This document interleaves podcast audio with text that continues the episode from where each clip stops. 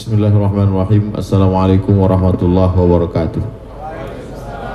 Alhamdulillah wassalatu wassalamu ala Rasulillah wa ala alihi wa sahbihi wa man tabi'ahu wa mawala.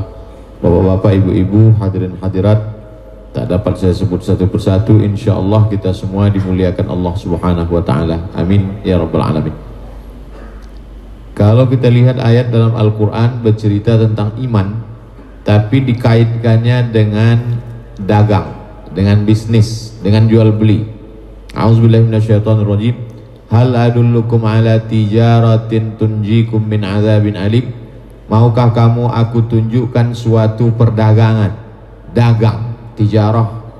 Makanya orang orang Arab menyebut fakultas ekonomi itu kuliah tijarah. Kuliah arti fakultas tijarah, dagang. Hal adullukum ala tijarah? Maukah kamu dagang? Kuliah fakultas tijarah, dagang, bisnis. Fakultas ekonomi itu disebut dalam bahasa Arab kuliah tijarah. Maukah kamu aku tunjukkan suatu dagang? Tunjikum min azabin alim. Tapi dagang ini lain. Dagang yang biasanya itu ada orang yang punya barang, ada yang pembeli. Yang membeli dapat barang, yang punya barang dapat uang. Ada manfaat, ada untung. Tapi yang ini lain dia. Hal adullukum ala tijarah. Maukah kamu aku tunjukkan suatu dagang? Tunjikum min azabin alim. Kalau kamu ikut dagang ini, kamu selamat dari azab neraka. Apa itu dagangnya? Tu'minuna billah, kau beriman kepada Allah. Wa tujahiduna fi sabilillah, kau berjihad di jalan Allah. Wa tu'minuna billah, tu'minuna billah wa tujahiduna fi sabilillah. Kau beriman kepada Allah dan engkau berjihad di jalan Allah. Jadi iman dikaitkan dengan dagang.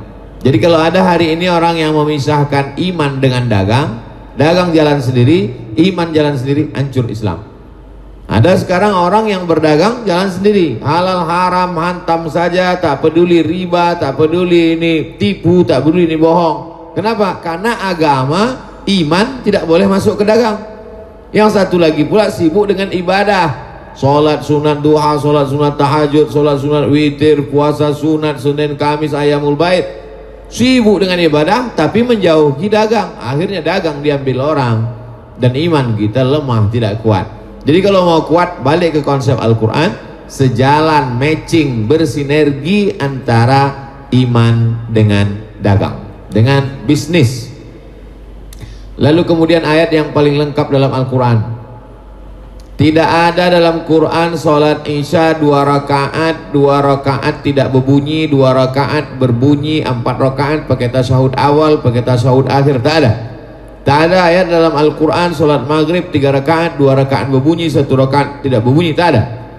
Tapi ayat yang paling lengkap Detail dalam Quran adalah kalau engkau menjalin transaksi hutang piutang Al-Baqarah 282 satu halaman full Ya ayyuhalladzina amanu ay orang beriman. Idza tadayantum bidainin kalau kau menjalin transaksi hutang piutang ila ajalib musamma sampai limit batas waktu tertentu waktu buhu tulis. Padahal kita tahu waktu zaman Nabi SAW tak ada kertas di kota Makkah. Al-Quran ditulis di pelepah korma Al-Quran ditulis di batu Al-Quran ditulis di tulang onta tapi ayat paling panjang dalam Al-Quran tentang tulis menulis hutang piutang administrasi keuangan. Falyaktub bainakum katibun bil adli. Ada satu orang penulis. Waliyaktub bima kama allamahullah. Hendaklah dia menulis sesuai dengan aturan yang sudah ditetapkan Allah. Wastashhidu syahidaini min rijalikum. Hendaklah ada dua orang saksi laki-laki Ilam yakuna rajulaini kalau tak ada dua orang laki-laki, farajulun satu orang laki-laki, wa mra'atani dua orang perempuan. Sedangkan saksi dalam nikah tak bisa dirubah. Hanya dua orang laki-laki. La nikah tidak sah nikah illa biwaliyin kecuali dengan wali wa syahidai adlin dua, dua orang saksi yang adil. Tak bisa diganti. Sedangkan dalam transaksi hutang piutang boleh satu laki-laki tak ada diganti dengan dua perempuan. Apa maknanya? Jangan sampai terhalang transaksi bisnis hanya karena tak ada dua saksi laki-laki bisa digantikan dengan dua perempuan. Satu laki-laki, dua perempuan. Lalu kemudian ayat yang paling detail sampai diatur setengah, seperempat, seperenam, seperlapan. Walakum nisfu ma taraka azwajukum illam yakul lahunna walad. kau hai para laki-laki suami dapat setengah harta istrimu kalau tak ada anak illam yakul lakum walad fa illa il in kana lakum waladun. Tapi kalau kamu punya anak falakumur rubu menikah dengan perempuan meninggal perempuan itu tak ada anak maka laki dapat setengah harta istri. Kalau ada anak laki-laki dapat seperempat. Walahunna rubu kamu dapat seperempat kalau tak ada anak. In kana lakum waladun tapi kalau suami punya anak falahun nasumunu maka istri dapat seperlapan. Ibu dapat sepertiga. Dalam kasus tertentu menjadi seperenam seper-sepernya diatur dalam Islam dalam ayat Al-Quran terkait dengan duit. Jadi kalau ada orang Islam mengatakan bisnis uruslah masing-masing harta uruslah masing-masing. Ini bukan ajaran Islam. Jadi saya urutkan pertama pembahasannya adalah tentang Al-Quran. Selesai Quran, pindah ke Nabi.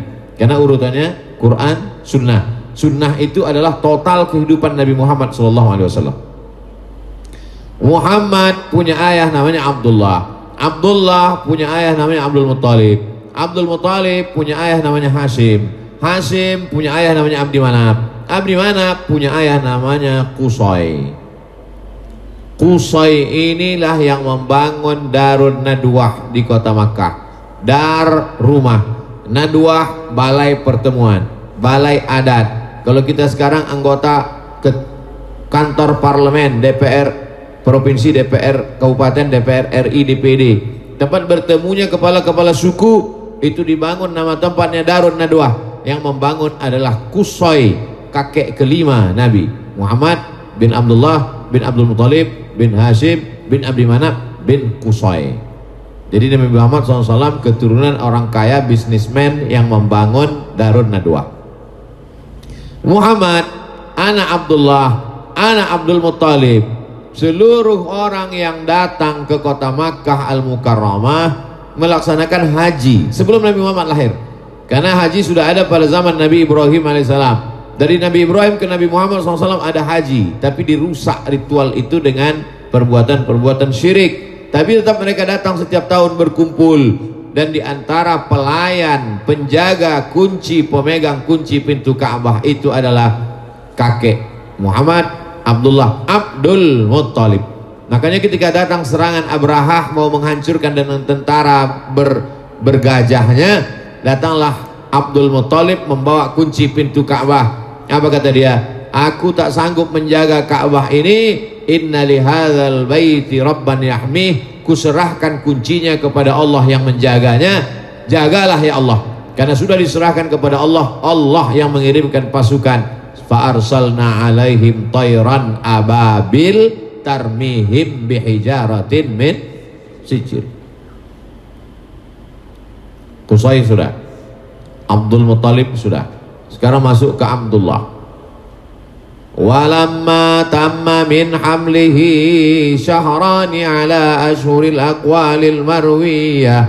Tufiya bil madinatil munawwarati abuhu Abdullah. Semua orang Sumatera Utara tahu itu. Kalau ditanya orang Medan tentang apa itu? Tentang mengayun anak gitu Padahal ayat itu bercerita tentang syair barzanji yang dibaca di Medan pagi, petang, siang, malam, acara mengayun anak, acara orang nikah, bercerita tentang walamma tammamin hamlihi. Ketika dia dua bulan dalam perut omaknya tufiya bil madinatil munawwarati meninggallah ayahnya di kota Madinah. Nama ayahnya itu Tufiya bil Madinatil Munawwarati Abu Abdullah. Nama ayahnya itu Abdullah. Abdullah pergi ke Madinah itu perjalanan apa? Bukan seminar. Abdullah pergi ke Madinah itu semua orang tahu dalam perjalanan dagang bisnis dua bulan anak digandung pergi suami ke Madinah meninggal dia di sana pulang hanya namanya saja itulah Muhammad Sallallahu Alaihi Wasallam punya ayah bisnismen ekonomi entrepreneur dan punya ibu perempuan yang sabar bernama Aminah. Dikandungnya lah sisa bulan-bulan mengandung anak itu sampai akhirnya lahir Sayyidina wa Maulana Muhammad sallallahu alaihi wasallam. Meninggal ayahnya diasuh dia oleh ibunya meninggal pula ibunya diasuh dia oleh datuknya Abdul Muthalib meninggal juga diasuh dia oleh Abu Talib. Lalu kemudian diceritakanlah oleh para ulama Ustadz Mubalik waktu maulid Nabi bahwa Nabi SAW dibawa dalam sebuah perjalanan karena panas terik bernaung di atap gereja. Dari dalam gereja itu keluar pendeta namanya Bahira. Kata Bahira bertanya Hai Fulan Siapa anak ini Kata Abu Talib Ini anakku. Kata pendeta Bahira Kalau betul kitab yang kubaca Ini bukan anakmu. Karena dalam kitab suciku Nabi terakhir itu Ayahnya sudah mati Waktu dia dalam kandungan. Berarti ini bukan anakmu. Kata Abu Talib bertanya Dari mana kau tahu Bahira? Karena begitu tertulis dalam kitab suciku maka apa kata Allah dalam Quran alladzina atainahumul kitaba ya'rifunahu kama ya'rifuna abna'ahum. Mereka pendeta-pendeta yang kami berikan Alkitab itu mengenal Muhammad SAW sebagaimana mereka mengenal anak kandung mereka sendiri. Kalau terjadi musibah kecelakaan eksiden pecah kepala anak masuk ke ruang rumah sakit belum dibuka kepalanya bapak ibu sudah kenal. Dari mana dari ujung kakinya tahu ini anakku. Jempol kakinya bentuk tangannya retak betisnya tahu. Dari mana tahu? Alladzina atainahumul kitaba. Mereka yang dapat alkitab itu mengenal Muhammad SAW lebih daripada anak kandung mereka sendiri. Dialog antara Wahira dengan Abu Talib waktu dalam perjalanan dagang dari kota Makkah menuju Palestina. Sebelum sampai ke Palestina berhenti mereka di suatu kampung. Bernaunglah di bawah atap. Keluarlah Bahira yang seumur hidupnya tidak pernah keluar karena dia beribadah saja di dalam. Dilihatnya ada tanda-tanda kenabian. Apa yang nampak dia? Tiga. Pertama, pokok kayu bersujud. Yang kedua, batu-batu bersimpuh. Yang ketiga, ada awan yang terus menaungi di atas dalam kitab suci dia kalau ada tiga itu berarti Nabi kita jangankan awan. Payung orang pun tak kembang. Berarti ini adalah Nabi. Dan perjalanan itu bukan perjalanan shopping bukan perjalanan jalan-jalan tapi perjalanannya adalah perjalanan dagang. Kakeknya yang kelima dagang. Ayahnya meninggal dalam perjalanan dagang. Dia bersama pamannya dagang. Lalu kemudian dia memenuhi kebutuhan hidupnya tidak meminta-minta sengaja dibuat Allah dia menjadi orang yang tidak bergantung kepada manusia. Bergantung kepada ayah ayah mati. Bergantung kepada emak emak mati. Bergantung kepada kakek kakek mati. Bergantung kepada paman paman miskin. Sekarang banyak orang hidupnya penuh dengan ketergantungan sehingga dia tak bisa independen. Penyakit yang paling ditakutkan adalah penyakit tidak bisa mandiri. Jadi sesungguhnya kita mengirim anak kita ke pesantren, kami dulu dikirim ke Mesir Kairo, itu dididik. Sebetulnya buku yang kami baca di Kairo dengan di kelas sama aja. Buku yang dibaca di rumah dengan yang di pesantren sama aja. Jadi sebetulnya kita belajar jauh-jauh itu adalah belajar hidup bahaya cucu yang dirawat oleh nenek adalah penyakit bukan penyakit jantung koroner bukan penyakit diabetes. Penyakit tak bisa mengikat tali sepatu sendiri. Cucu yang dibesarkan nenek tak pandai mengikat tali sepatu. Karena waktu mata cucu menengok sepatu udah diikatkan neneknya. Tak bisa dia mandiri. Sehingga ketika anak cucu meninggal neneknya banyak cucu jadi hantu. Karena tak dididik dengan pendidikan yang baik. Nenek-nenek zaman dulu nenek sekarang udah banyak pengajian karena menonton Abdul Somad official subscribe like and share. Lalu kemudian Nabi Muhammad SAW itu dididik dengan kemandirian yang luar biasa. Bagaimana dia memenuhi kebutuhan hidupnya? Dia mengembala kambing. Setelah mengambil upah gembala kambing sudah cukup dewasa remaja barulah dia membawa barang dagangan. Ada seorang perempuan yang punya barang dagangan bagi hasil. Aku punya barang kau tukang bawa kau jualkan nanti hasilnya kita bagi. Dibawanya lah barang dagangan ini. Li'ila fi Quraisy perjalanan orang Quraisy ila fihim rihlatas syita'i wasaib perjalanan syita musim dingin soib musim panas. Syita musim dingin soib musim panas. Di Arab itu dua musim. Musim dingin mereka pergi ke Yaman musim panas mereka pergi ke negeri Syam. Itulah kerja Muhammad SAW dingin ke Yaman panas ke Syam. Dingin ke Yaman panas ke Syam. Kalau kita hitung sekarang berapa negara itu Yaman naik ke atas Saudi Arabia Makkah Madinah. Naik ke atas negeri Syam Suriah Lebanon Palestina Yordania. Enam negara perjalanan Muhammad Sallallahu Alaihi Wasallam kalau hidup dia sekarang dia bisnismen entrepreneur ekspor import. Jadi jangan bayangkan Nabi itu jual duku antar kecamatan. Mohon maaf tukang duku jangan tersinggung. Saya ceramah sekarang ini hati-hati betul memilih kata-kata. Takut saya besok keluar berita koran waspada aliansi penjual duku internasional mengadukan Abdul Somad ke Mabes. Bisa aja kan lalu kemudian Nabi Muhammad SAW yang selalu laku barang-barangnya ini koordinator barangnya Maisarah. Maisarah itu laki-laki bukan perempuan. Sampai ke Medan jadi mak-mak dipanggillah sama yang punya barang. Yang punya barang-barang ini Khadijah. Kata Khadijah siapa ini pedagangnya? Kok lakunya luar biasa beda sama yang lain? Coba kau bawa besok orangnya. Mana dia?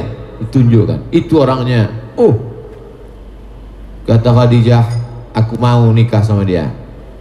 Lalu kemudian disampaikanlah kepada Nabi Muhammad SAW Nabi menyampaikan kepada pamannya paman-pamannya pun meminang Khadijah. Maharnya 20 ekor onta. Satu ekor onta 50 juta kali 20 ekor 50 juta kali 20 ekor berapa itu? Satu miliar mahar Nabi nikah sama Khadijah itu satu miliar. Menyesallah ibu-ibu yang dulu minta sajadah. Miliar. Saya pun berani menyampaikan ini karena di depan pengusaha-pengusaha. Kalau di depan anak-anak baru pemuda hijrah baru tobat saya sampaikan ini rusak harga mahar. Jadi hubungan Nabi dengan Khadijah itu awalnya adalah hubungan bisnis. Tapi karena akhlaknya baik, laku barang-barang itu. Kenapa barang dia ini selalu laku? Karena yang lain menipu, bohong. Orang kalau sudah kena tipu sampai mati dia tak percaya. Hubungan kita adalah hubungan trust. Dulu kalau disampaikan di ceramah maulid Nabi di kampung-kampung, apa kata orang? Apa ada orang berjualan macam itu kata orang kampung. Bagaimana sistem dia? ini barang bagus harganya sekian ini barang kurang bagus harganya sekian ini barang memang tak bagus harganya sekian. Ini kalau diceramahkan 30 tahun yang lalu kata orang mana laku? Sekarang pasar buah yang paling laku adalah pasar buah yang menjalankan sistem Nabi SAW ini mangga impor harganya 50 ribu. Ini mangga impor tapi udah agak lisut 35 ribu. Ini mangga lokal masam 10 ribu. Orang tahu harga tahu kualitas dia beli besok dia datang lagi datang pedagang pinggir jalan dicampurnya semua yang bagus di atas. Pas nimbang disuruhnya ke bawah. Orang beli makan pulang dia tengok busuk berulat asam. Apa kata dia? Ku sumpah kan membeli ini lagi. Makan sumpah orang yang menjual. Orang Islam yang tidak menjalankan sistem Islam dilaknat Allah, dilaknat manusia. Orang tak Islam menjalankan sistem Islam laku barang-barangnya. Yang menjalankan sistem ini barang bagus harganya sekian, ini barang kurang bagus harganya sekian, ini barang tak bagus ini harganya sekian. Yang menjalankan itu sekarang tidak orang Islam. Ketika dia bisnis berhasil, orang banyak beli karena percaya, trust. Apa kata orang? Tuhan tak adil masa awak yang sembahyang dia yang kaya bertanya ke Ustadz Ustadz kenapa aku yang sembahyang dia yang kaya Ustadz nih pun bodoh pula. Ya dia memang di sinilah surga dia. Nanti di sana dia masuk neraka. Kau di sini susah-susah nanti kau di akhirat senang. Pembodohan luar biasa. Pembodohan luar biasa. Itu mah umat Islam ini susah terus. Ustadz kenapa kau susah? Kau memang susah sini. Nanti kau di akhirat masuk surga. Mana pula masuk surga udah menipu buah di dunia Yang betul itu adalah Karena sistem kau tak islami Kau melarat di sini di akhirat neraka jahanam tempat kau. Sedangkan dia sistemnya sudah islami Cara dagangnya sudah islami. Tinggal sikit aja lagi. Kau syahadatkan dia Ashadu an la ilaha illallah Ashadu anna muhammadan Rasulullah. Quran sudah Nabi sudah. Nah sekarang bagaimana kehidupan para ulama yang membawa Islam ke Sumatera ini dulu. Semua kita waktu SD dulu diajarkan. Islam sampai ke Nusantara dibawa oleh pedagang. Bukalah buku-buku kita. Islam datang ke Nusantara dibawa oleh pedagang. Pedagang apa? Pedagang kamper karena mereka dari Mesir naik kapal laut datang ke Sumatera mencari kamper. Karena kamper itu cuma duduknya di sini. Mereka nyebutnya kamper, orang kita nyebutnya apa? Kapur barus. Pokok kamper keluar getahnya karena tumbuhnya di pantai barus disebut kapur barus. Maka mereka datang jauh-jauh kemari mau mencari kapur barus. Kapur barus kalau dimasukkan ke dalam lemari, kecoa tak masuk. Karena kecoa tak tahan mencium kapur barus. Lalu untuk apa orang Mesir memberi kamper itu? Dipasang untuk jenazah supaya jenazah tak busuk untuk membuat mumi. Sudah kita tonton filmnya Mumi Return. Maka jangan anak kita suruh panggil mumi. Mumi, mumi. Mumi itu mayat hidup. Jadi hebatnya Pulau Sumatera ini adalah menumbuhkan kapur. Makanya kata Profesor Dr. Nakwib Al-Attas, guru besar sejarah tasawuf di IIU International Islamic University, salah satu kata serapan Indonesia Nusantara yang masuk ke Arab adalah kafur kafur kata Arab yang masuk ke Indonesia banyak sekali Dewan Perwakilan Rakyat. Itu semuanya bahasa Arab. Diwan kantor. Wakil. Wakil. Rakyat rakyat. Jadi DPR itu yang bahasa Indonesia nya cuman persamaan yang lain itu bahasa Arab saja. Tapi bahasa Arab yang bahasa Nusantara yang masuk ke dalam bahasa Arab cuma satu. Kafur. Makanya orang Arab menyebut dalam fikih jenazah itu dimandikan pakai daun sidir. Kalau tak ada daun sidir pakailah kafur. Yang dimaksudnya kafur itu apa? kapur barus bukan kapur sirih, bukan kapur tulis. Jadi sebelum Nabi Muhammad SAW datang zaman Nabi Musa Fir'aun itu orang Mesir sudah sampai ke Sumatera transaksi jual beli kafur tadi dan lain-lain. Barang yang tak ada di sana mereka bawa ke sini barang yang ada di sini mereka bawa ke sana dipukul ombak dimpas gelombang jadi jangan heran ketika ditemukan di pantai Barus ada batu nisan nama di situ Fatimah tahun 200 Hijrah. Artinya apa? Bahwa orang Islam sudah sampai ke Pulau Sumatera pada sebelum Nabi Muhammad orang Arab sudah sampai setelah Nabi Muhammad orang Islam sudah sampai. Urusan dia apa kemari? Mencari usaha bisnis dagang beda sama Belanda Belanda datang kemari bukan dagang Belanda adalah mau menguasai mau menjajah mau menghancurkan mau membunuh dan lain sebagainya makanya Islam kita datang dengan ramah. Hampir semua pesisir di Nusantara Islam. Kalimantan, Pontianak, turun ke bawah Kalimantan Selatan, naik ke atas Kalimantan Timur. Itu semua pesisir Islam. Tapi ketika di tengah tidak. Kenapa? Karena ulama yang datang itu dulu naik kapal laut. Berhenti dia di pantai, maka semua pantai pesisir Islam. Sumatera, Pulau Sumatera, Aceh, pesisir. Mau labuh. Yang ke kanan turun ke bawah, Langkat, turun ke bawah Tanjung Balai, turun ke bawah Siak Sri Indrapura, turun ke bawah Jambi, turun ke bawah Palembang. Semua pesisir ini Islam. Pas naik ke gunung tak sampai Islam. Sulawesi juga begitu. Pesisir, Sulawesi Selatan, Palu rata-rata Islam. Papua, ternyata Papua Barat. Papua Barat yang mengarah ke Sulawesi, Sorong, Fak-Fak, Raja Ampat, Kaimana, Islam. Raja Ampat karena memang ada empat raja yang besar. Salah satu rajanya datang saya ke rumahnya. Namanya Raja Patipi.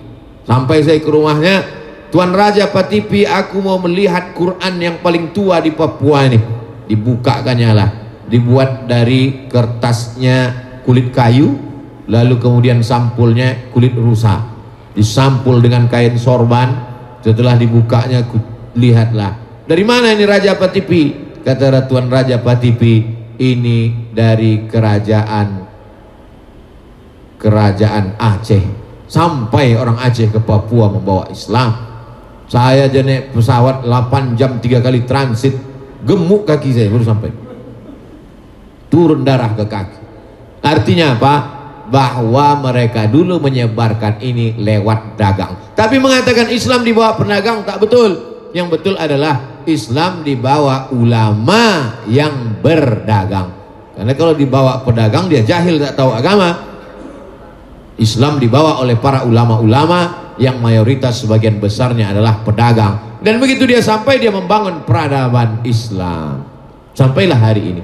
Jadi saya sudah urutkan dari mulai Al-Quran, setelah Al-Quran, kehidupan Nabi Muhammad SAW, setelah kehidupan Nabi, lalu aplikasinya oleh manusia di Nusantara sampai hari ini. Nah sekarang kita lihat kenyataan di Indonesia diperkecil lagi di Pulau Sumatera, dikecil lagi di Medan, diperkecil lagi di ruangan ini. Apakah kita sudah mengusahakan segala kebutuhan kita berawal dari air minum? Air minumnya ternyata bukan produk kita. Mestinya di depan saya ini air minumnya air minum santri.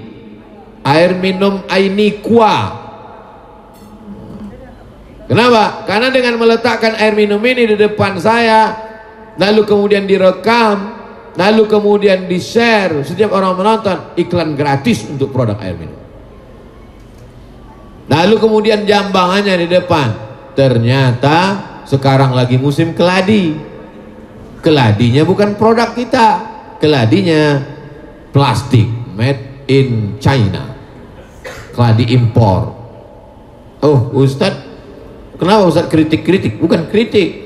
Saya mau menyatakan bahwa kita tidak memakai produk memasarkan. Padahal dalam Islam dari mulai bangun tidur.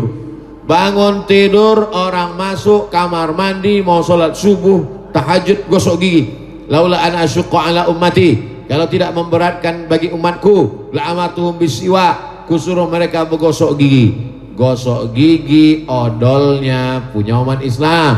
Sikat giginya umat Islam. Dia mandi pakai sabun. Sabunnya produk umat Islam. Dia pakai sampo. Sampunya produk Oh inilah Abdul Somad anti kebinekaan, anti NKRI. Munculnya isu-isu itu kan gara-gara saya mengusik masalah ekonomi. Video yang paling marah orang adalah video saya ngajak mari belanja ke warung tetangga. Kalau saya ngajak selawat, orang tak marah. Silakan kalian selawat rame-rame di jalan. Silakan kalian selawat rame-rame di tanah lapang bagus makin ramai orang makin laku produk kami kata dia. Tapi begitu Abdul Somad mengajak belanja ke warung tetangga ini berbahaya. Betul kata pesan Buya Muhammad Nasir dulu. Apa kata beliau? Islam ibadah biarkan.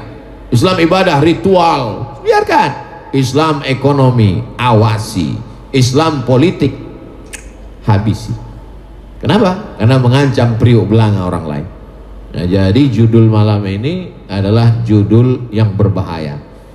Maksudnya judulnya marilah kita hidup ikhlas. Nyawa sekalian, marilah kita ikhlas. Udah banyak yang kena covid, kita ikhlaskan aja. Bapak-bapak dilarikan pelakor, ibu-ibu ikhlas, lapang dadanya. Jadi memang tema-tema ceramah, tema-tema kajian mestilah tema-tema yang menghidupkan semangat adrenalin, memancing. Supaya apa? Kada al-faqru ayakuna kufran. Hampir saja kefakiran. Fakir itu membuat orang menjadi kafir. Luar biasa. Ada namanya teori bubur panas. Apa itu teori bubur panas? Bubur panas di tengah mangkok disendok dari samping.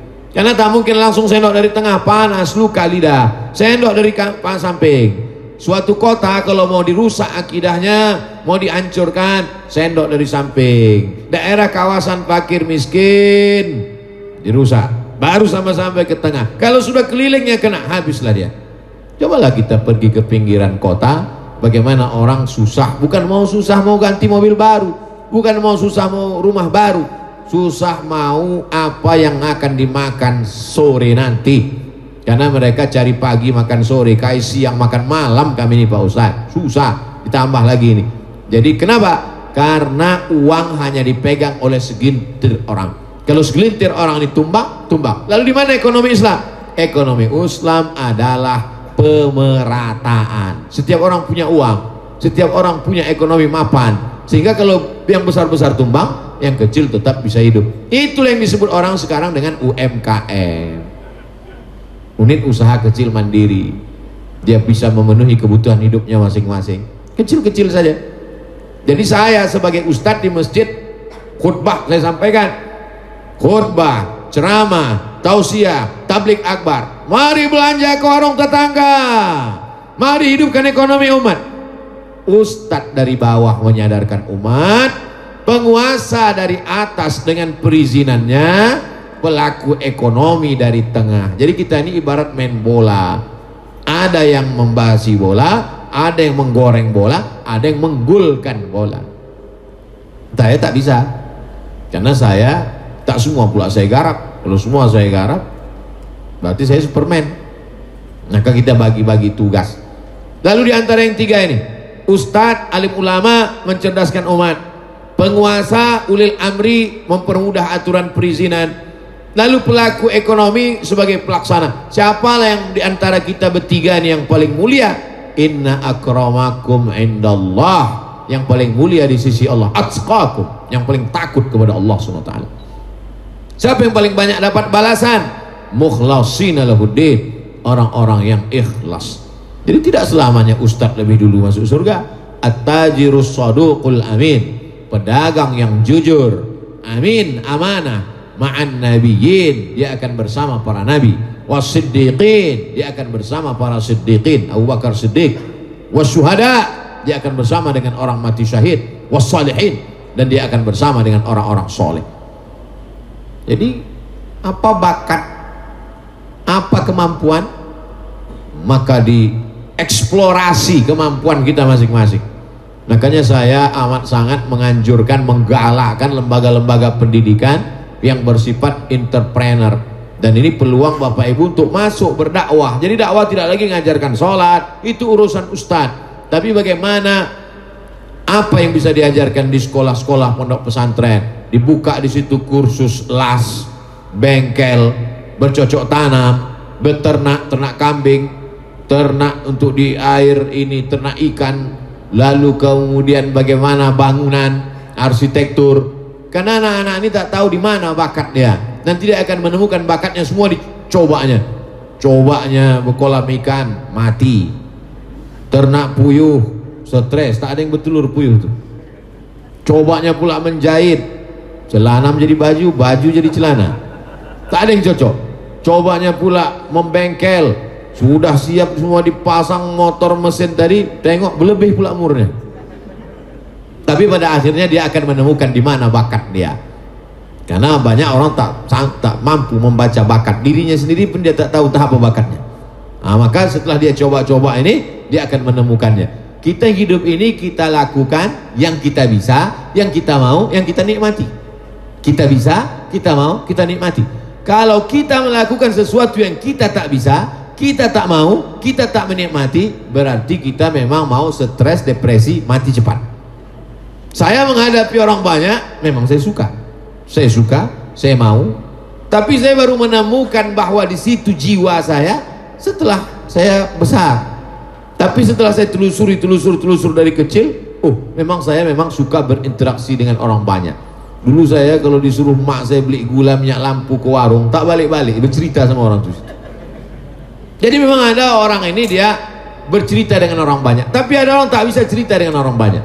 Asal jumpa orang banyak, keluar keringatnya, stres, depresi, asam lambung, asam kumat semua. Maka kita tak bisa paksakan orang lain. Nah, ada bapak-bapak, ibu-ibu yang berjiwa entrepreneur, membuat sebuah usaha, lalu kemudian kalau kita lihat yang mengalir itu ya ini. Man bana masjidan siapa yang bangun masjid banallah mithlahu baitan fil jannah dibangunkan Allah untuknya satu tempat dalam surga. Siapa yang bisa membangun masjid kalau bukan para entrepreneur, entrepreneur, pengusaha, usahawan, Ustaz Somad, tolong doakan saya. Apa doanya Pak? supaya selesai pembangunan masjid yang ke-120 berarti masjid dia udah serak-serak di atas muka bumi maka ini semua adalah program-program keumatan ke depan. Dan saya amat sangat senang hari ini malam ini kita bertemu berjumpa. Yang belum disampaikan informasinya share videonya rangkumannya sampaikan ke kawan-kawan sahabat-sahabat. Yang saya sampaikan ini adalah pengantar dialog kita. Karena kalau tidak umat Islam akan habis. Islam umat Islam akan tetap ada di atas muka bumi. Tapi dia tidak menjadi prioritas dia tidak menjadi konsumen tidak menjadi produsen. Dia hanya menjadi pemakai konsumen. Na'udzubillah sedangkan yang kita inginkan adalah mayoritas yang prioritas. Kalau kita mayoritas secara ekonomi secara politik maka tidak ada yang teraniaya. Semut pun tidak akan terinjak kalau orang beriman menjadi prioritas. Mana contohnya? Sulaiman alaihissalam. Nabi Sulaiman alaihissalam ketika akan lewat berhenti pasukan kenapa Sulaiman? Karena ada semut-semut yang belum masuk ke sarangnya. Nabi Sulaiman paham bahasa semut maka kata Nabi Sulaiman stop tentara. Biarkan semut-semut masuk. Surat uh, surat semut namanya. Ada dalam Quran itu surat semut. Semut itu bahasa Arabnya an-namal. Namal. Ya ayat Tuhan namul dkhulu masakinakum. Pasukan semut, kata panglima semut, masuk kalian ke sarang-sarang kalian karena pasukan Sulaiman mau lewat, jangan sampai dia memijak perut kalian pecah. Apa maknanya? Pemimpin mesti mengerti bahasa semut. Mengerti bahasa orang kecil. Pemimpin mesti mendengar. Maka kalau orang beriman, berkuasa, orang beriman, punya usaha, maka tidak akan ada semut yang mati kelaparan tapi ketika orang tak takut kepada Allah manusia pun dipandangnya sebagai semut. Nyawa manusia sama macam nyawa semut. Nyawa manusia sama macam nyawa nyamuk dibuatnya. Maka begitulah pentingnya Islam. Kalau ada pengusaha Islam ada pengusaha muslim ada penguasa muslim yang menjalankan Islam maka sesungguhnya dia tidak menjadi ancaman bagi orang yang tidak Islam. Karena semut pun terjaga. Wa ma arsalnaka illa rahmatan lil alamin. Semesta alam mendapatkan rahmatnya dia sudah jelaskan dari mulai Quran Nabi kehidupan Nabi sahabat Nabi kemudian umat Islam sampai ke Nusantara sampai kritik sosial kehidupan kita saat ini. Selanjutnya saya kembalikan ke moderator. Terima kasih. Assalamualaikum warahmatullahi wabarakatuh